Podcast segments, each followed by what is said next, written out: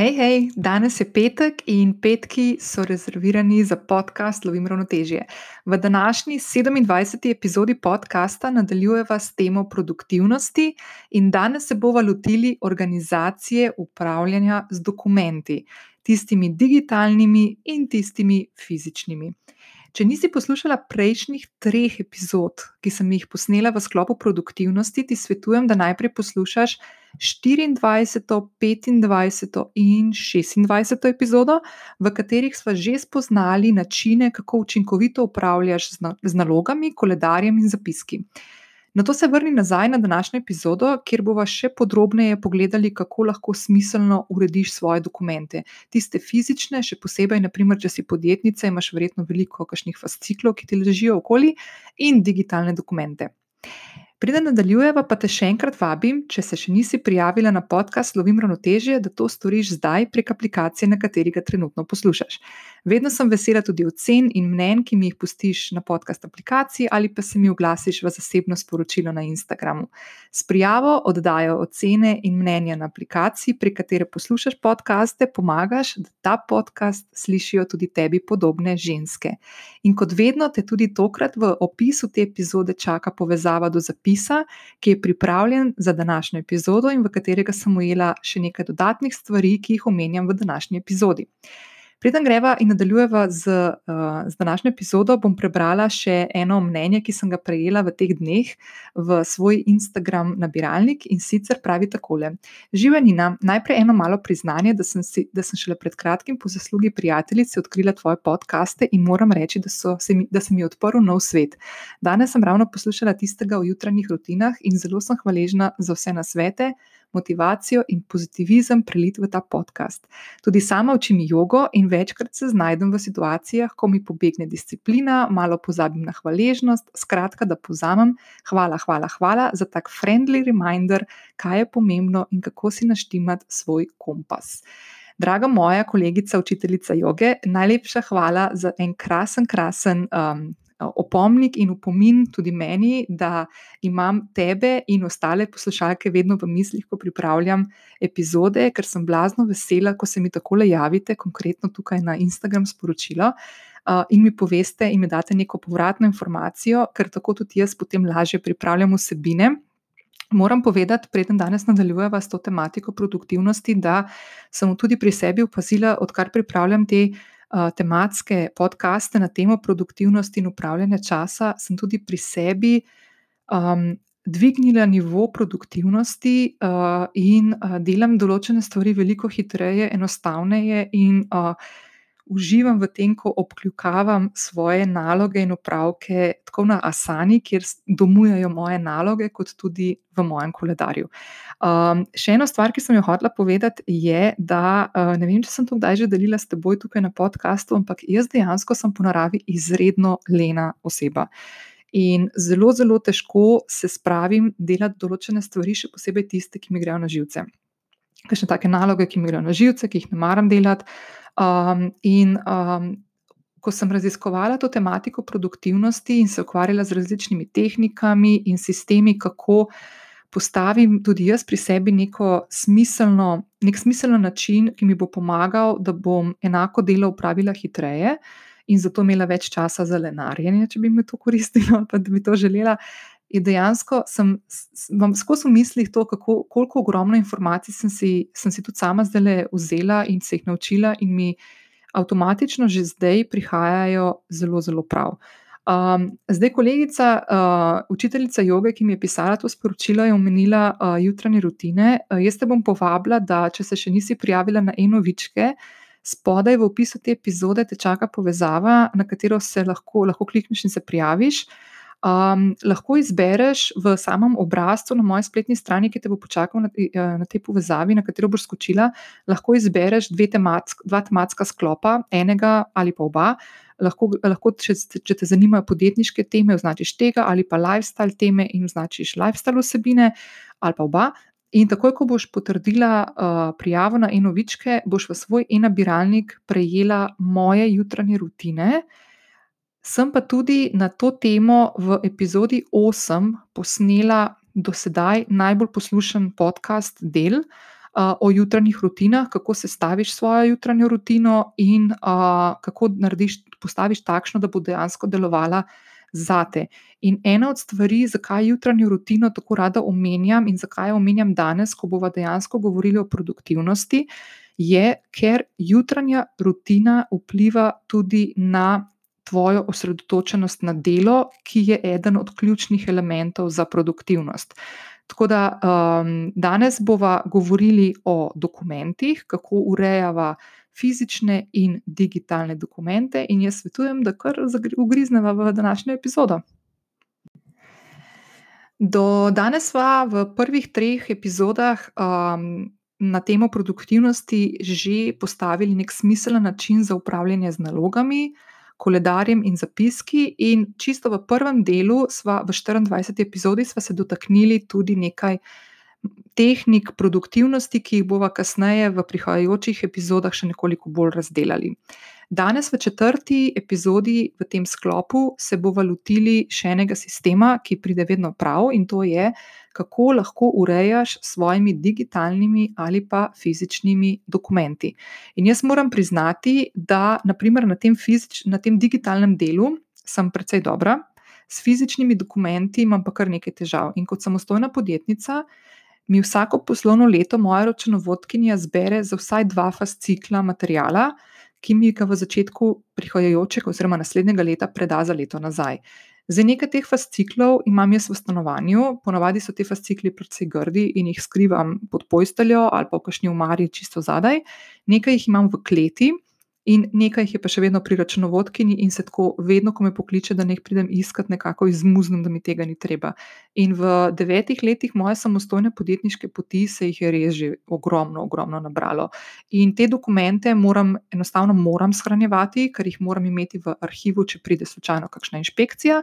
Tako da danes bomo bolj kot ne govorili o drugih fizičnih dokumentih, ne o teh, ki, ki dejansko zasedajo ogromno prostora. Zdaj, jaz si blazno želim, da bi imela vse stvari popredalčkane po sistemu Marie Kondo, tiste uh, Spark the Joy, uh, Japonke, uh, ali pa po katerem koli drugem učinkovitem načinu. Uh, zato je današnja epizoda namenjena tudi mojemu dodatnemu izobraževanju na tem področju, kot sem že v uvodu te, uh, tega podcasta povedala.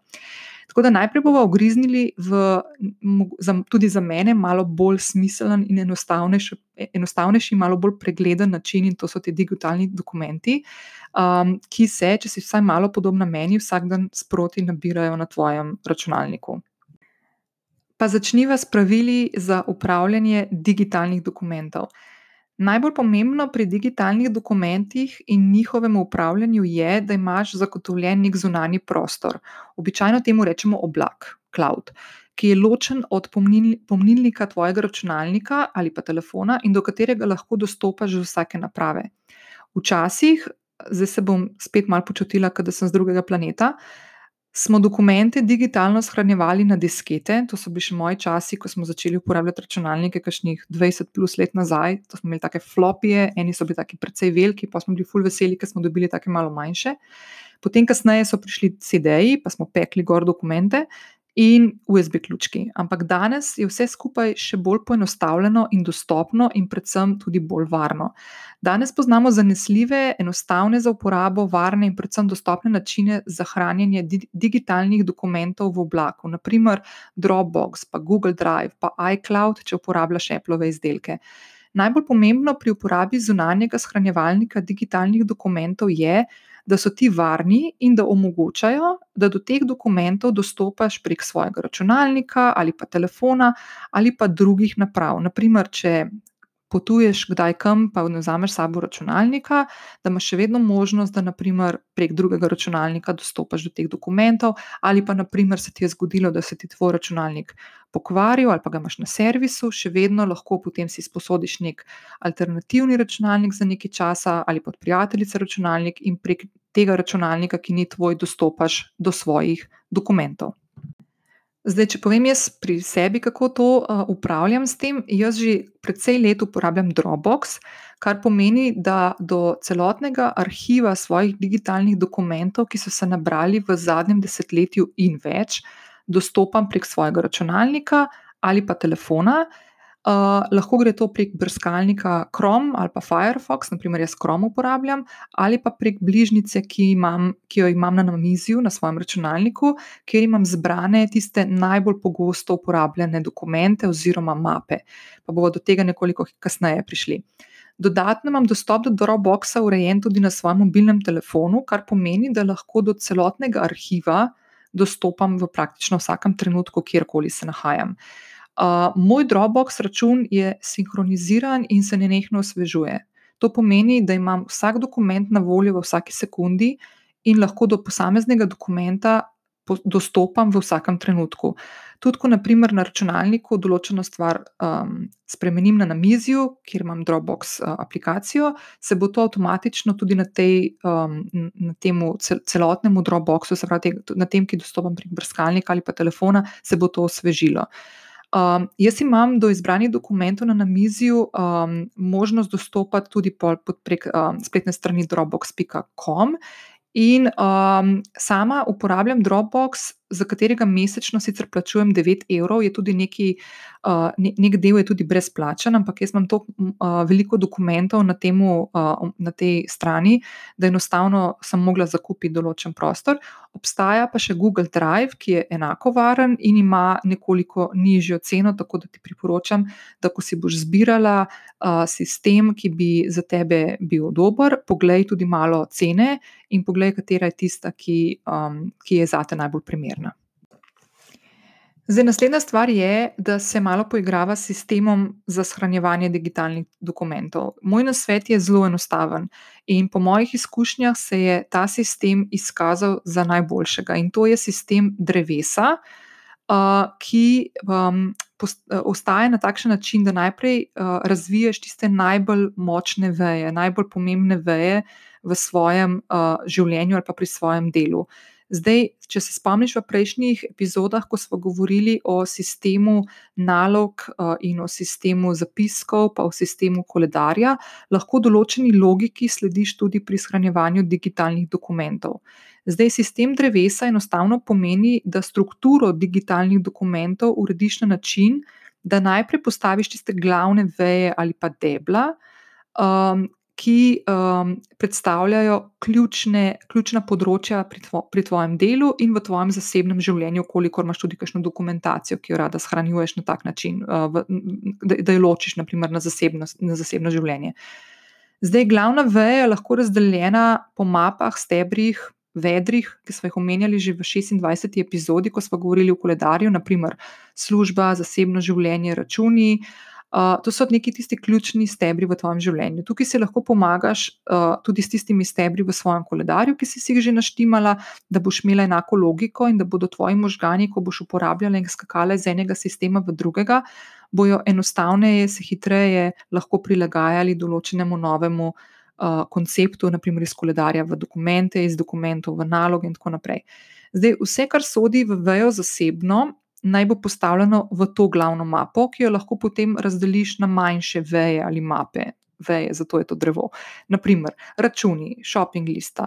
Lahko narediš mapo za poletjih, naprimer vem, 2020-2019, in iz te mape nadaljuješ z razdelovanjem map po sistemu, ki je tebi najbolj priročen in najbolj smiselen. Zdaj, vsako to vejo ali mapo lahko potem razdeljuješ na podmape. Če ti dam zdaj primer iz svojega sistema na področju dela. Jaz imam na ravni naročnikov, torej podjetij, s katerimi sodelujem, neko širšo mapo ali vejo, ki nosi ime naročniki. In ko kliknem na njo, imam imena naročnikov, ki so v posameznih mapah. Vsak naročnik je v svoji mapi. In ko kliknem naprimer, na posameznega naročnika, se mi najprej odpre mapa z letom sodelovanja. Se pravi, če sem začela z nekim naročnikom sodelovati leta 2016 in sodelujem še danes, imam štiri mape: 2016, 17, 18, 19, 20, 5 map.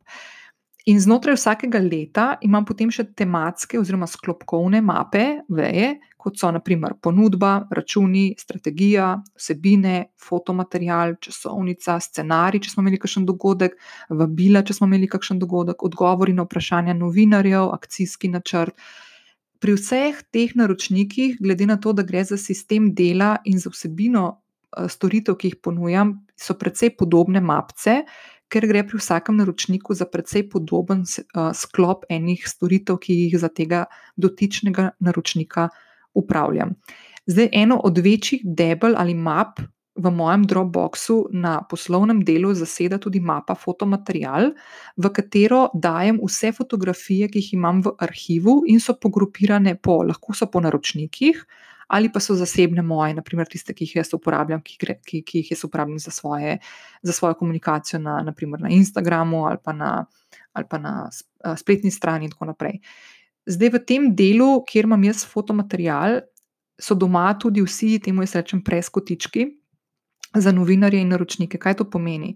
To pomeni, da, naprimer, ko jaz za enega naročnika pošljem sporočilo za medije, v katerega dam med prejemnike tega sporočila novinarje in urednike, vedno dam tudi povezavo do mape na Dropboxu, kjer lahko dobijo um, vse fotomaterial, ki sem ga pripravila za tisto vsebino. Zdaj lahko gre za dogodek, lahko gre za lansiranje nekega izdelka in so notri fotografije tega izdelka. Skratka, to pomeni, da lahko jaz z enostavnim prenosom enega, ene povezave, ki jo vključim v, um, v e-mail, uh, medijem, pošljem tudi celoten nabor enega fotomateriala ali pa videomateriala, ki bi jim lahko prišel prav, ko bodo pripravljali objavo za medij. Zdaj, za svoje delo, za tisto delo, ki se dotika le mene in ne dela z zunanjimi naročniki, imam jaz razdeljene potem naslednje mape. Naprimer, lahko so to članki za mojo spletno stran, lahko so to epizode za podcast, lahko gre za urejanje spletne strani, tistih bolj fiksnih, nekako ne tako pogosto menjajočih vsebin. Lahko gre za enovičke, ki jih pripravljam, lahko gre za vsebino za družbena omrežja, za e-knjige, za spletni tečaj, ki ga pripravljam v vsako mapo sodi pač ena od teh stvari. Naprimer, konkretno, ko jaz pripravljam podcast, um, vedno notri pripravim scenarij, kaj bom govorila v tem podkastu, potem pripravim neko grafiko, uh, naprimer za. Um, Uh, glavno naslovno sliko uh, uh, zapisa te epizode, ki ga imaš vedno priloženega spodaj v opisu te epizode, in te čaka še dodatna vsebina na moji spletni strani. Potem, naprimer, naredim neko grafiko za Instagram Story, da lahko tudi potem povem, da je nova epizoda te že čaka na aplikaciji, prek katere poslušaš podcast. Potem tudi, da posnamem podcast, potem imam, naprimer, tudi kakšne dodatne vsebine, ki jih želim v, vključiti v v, v zapis epizode, naprimer, imam naprimer, ne vem, kakšne knjige, ki jih predlagam za prebrati, ali pa kakšne dodatne povezave do kakšnih zanimivih člankov, in tako naprej. Zdaj, jaz imam ta način organizacije digitalnih dokumentov poenoten z Asano, v katero si zapisujem naloge. In potem v, ni, v te naloge dodajam tudi, naprimer, dokument, ki sem ga pripravila za, naprimer, za podcast, to epizodo, uh, 27. epizodo sem naprimer v Asani naredila podcast hashtag 27 in sem dala notri, naprimer, napiši scenarij in sem potem ta scenarij, po katerem sem pripravila to epizodo, pripela v to nalogo. Potem tudi, kako pripravi, moram pripraviti grafiko, moram posneti podcast, tako da takoj, ko bom posnela ta podcast do konca, bom šla v Asano in bomo pokljukala, da sem to opravila. Zdaj, način organizacije digitalnih dokumentov um, je neka taka stvar, ki je fino, da jo narediš um, na način, ki bo tebi najboljši. To je enako velja kot pri koledarju, pri zapiskih, pri nalogah. Razmišljaj vedno in izhaja iz tega, kaj bo tisto, kar bo tebi omogočalo, da boš imela občutek, da je to sistem, ki je za tebe varen, da ti je dostopen in da ti je predvsem enostaven za uporabo, in da ti konec koncev resnično olajša tvoje delo in ti pomaga, da enako količino dela, pa ne gre to za neke zasebne upravke ali pa poslovne, da ga narediš hitreje.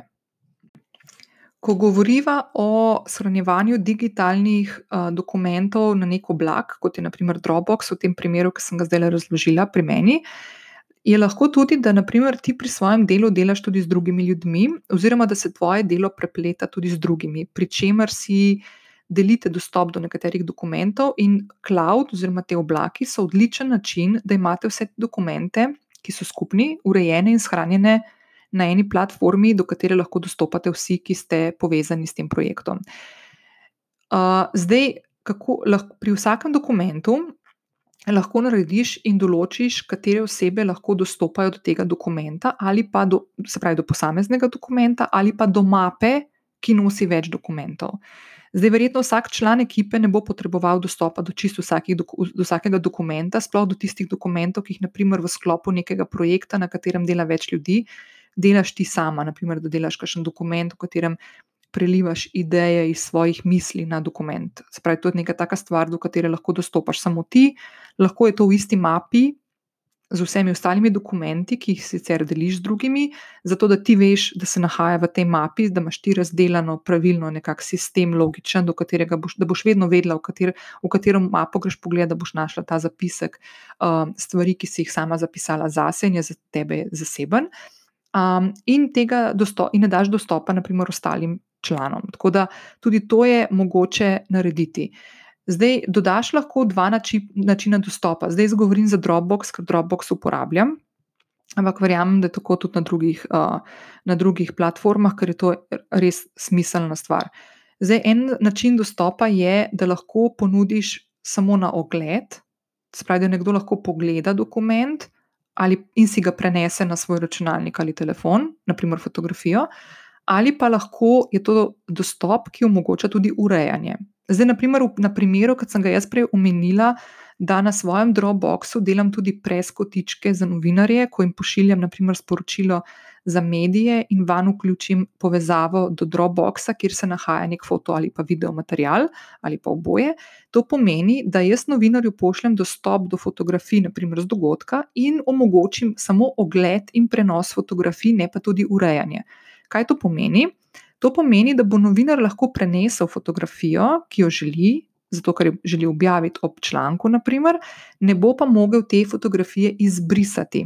In v praksi to pomeni, da lahko jaz isto povezavo kasneje, brez pre predhodnega preverjanja, če so vse fotografije še vedno v tej mapi, pošljem tudi drugim novinarjem, če sprašujejo po tej tematiki.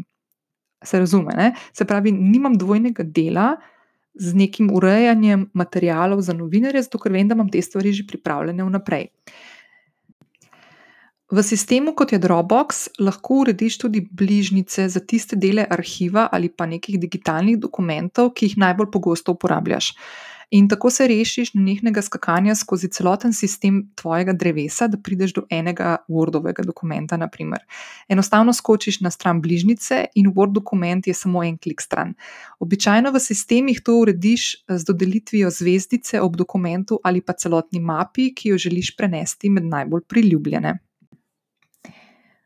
Jemali smo že naloge in zdaj se bomo dotaknili razlike med sistemom nalog in digitalnih dokumentov.